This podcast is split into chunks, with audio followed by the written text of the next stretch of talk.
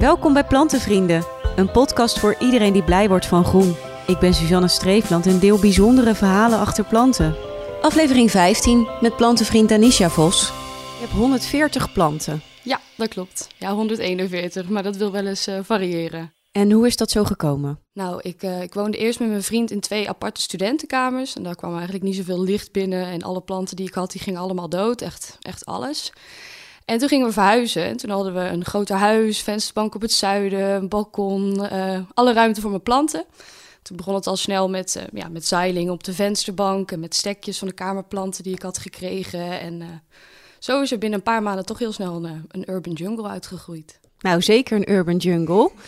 Maar hoe kwam je aan je eerste plant dan? Is dat dan eens zomaar ontstaan? Mijn, uh, mijn schoonvader die, uh, die geeft les op de praktijkschool in uh, dierverzorging en in, in bloemschikken.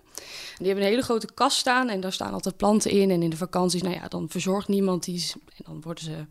Nou ja, moeten ze gered worden, dan komen ze bij mij. Gaat ook altijd langs het tuincentrum. De planten die daar worden weggegooid, die komen dan ook naar mij toe. En die, die red ik dan eigenlijk. En uh, soms zijn ze niet meer echt te redden, dan moet ik ze opstekken. En dan maak ik er dus een heleboel uh, nieuwe stekjes van om weer weg te geven aan, uh, aan vrienden. En jouw schoonvader kwam ook met een mini-monstera. Ja, klopt. Ja, ja die was er niet zo goed aan toe. Die groeit naar de zijkant in plaats van hem omhoog of naar beneden. Dus het is best wel moeilijk om die te ondersteunen. En ja, het enige wat er nog aan zat waren een paar bladeren en wat luchtwortels. Toen heb ik besloten om die plant helemaal op te stekken. Daar heb ik denk ik twaalf stekjes uitgehaald. Dus toen waren er weer twaalf nieuwe planten uitgeboren. En hoe kwam je op het idee om dat zo te doen? Nou, vroeger toen ik, uh, toen ik op de basisschool zat, ik weet niet of het iets van mijn generatie is of misschien van meerdere generaties, was er een vriendschapscake, die heette Herman. En dan had je eigenlijk een, een bol beslag. Daar moest je elke dag voor negen dagen lang iets bij doen. Dus bloem, water, melk, zulke dingen. En één dag voordat je hem dan ging bakken, dan kon je hem opdelen in vijf stukken. En die stukken die verdeelde je dan over je vrienden met een instructie hoe ze die cake weer konden opvoeden tot een grote cake. En dat het idee ervan was is dat je dat niet kon kopen in de winkel. Dat dat iets is wat je echt alleen maar kan krijgen. En dat idee had ik dus ook met die plant. Dat ik dacht van ja, iedereen kan een bosje bloemen geven of een al volgroeide plant. Maar een stekje is toch eigenlijk wel iets heel, uh, iets heel bijzonders. Want je moet hem nog zelf groot brengen, net zoals die cake. En toen heb je hem uitgedeeld aan je vrienden? Ja. En die hebben het allemaal goed gedaan of zijn er ook een paar gesneuveld? nou, eentje is er meteen onderweg al gesneuveld in de achterbak van de auto. Maar uh, de rest leeft volgens mij nog. Of ze durven het me niet te vertellen dat hij uh, dat die dood is. En zodra daar weer stekjes van afgehaald kunnen worden, dan gaan zij ze dus ook weer verdelen. Ja, dus dan is het een beetje hetzelfde als zo'n cake. Ja. En dat doe jij dan met een plant. Ja, precies. En waarom is die Mini-Monstera voor jou zo bijzonder? Nou, het was sowieso een van de eerste planten die ik uh, mocht redden. En het was eigenlijk ook een beetje het begin van mijn liefde voor stekjes en uh, voor, het, ja, voor het doorgeven van al die planten en dingen die daarmee te maken hebben. Dus het is echt het begin van mijn plantentijd, die voor mij sowieso heel erg goed kwam, want ik, ik heb ADHD en ik was gestopt met mijn medicatie en ik, ik wist gewoon niet zo goed wat ik moest. En toen die planten in mijn leven kwamen en ik daarmee bezig kon, merkte ik dat ik er zoveel energie van kreeg. En dat ik niet meer s'avonds op de bank wou zitten, maar dat ik gewoon lekker met die plantjes bezig wou. Dus het heeft mij, uh, ja, het is voor mij het begin van een betere tijd gewoon uh, om aan mezelf te werken. Dus het geeft je ook echt rust in je hoofd? Ja, ja, heel veel. Hoewel ik dan juist druk bezig ben, kan ik letterlijk nadenken over niks. Dus dat is, uh, dat is top. Ja, zou je meer mensen dat aanraden die dat hebben? Of waarom is dat bij jou zo, denk je? Waarom werkt dat zo? Je bent gewoon totaal niet bezig met wat er in je eigen hoofd uh, omgaat. Dus je kan niet gaan malen. Je bent bezig met iets verzorgen waar je geduld voor nodig hebt. Je leert echt om geduld te hebben voor de mooie dingen. Uh, dat er echt iets uitkomt. Dus een zaadje wat ontkiemt of een stekje wat het goed doet.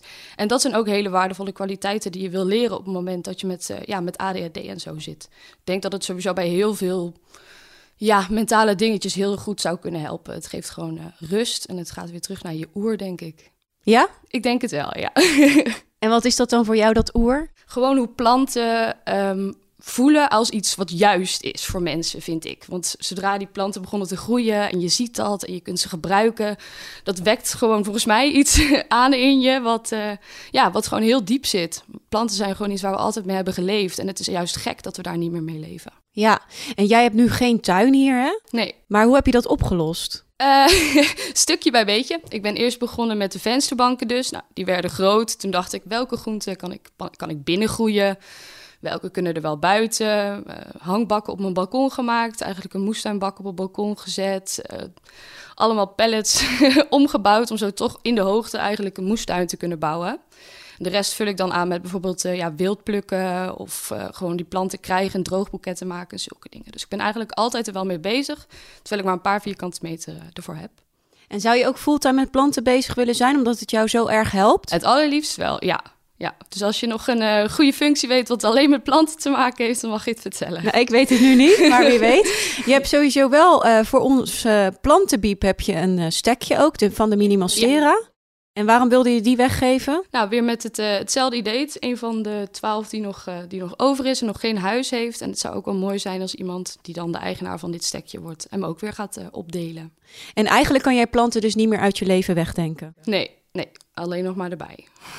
Hoeveel wil je er uiteindelijk? Um, nou, het liefst wil ik gewoon een moestuin. Dus een volkstuin of gewoon een huis met een tuin waar ik kan tuinieren. Dus dat ik echt meer ruimte ervoor ga krijgen. Want zo is het heel leuk en het werkt best goed... Maar ja, ik wil ook verder.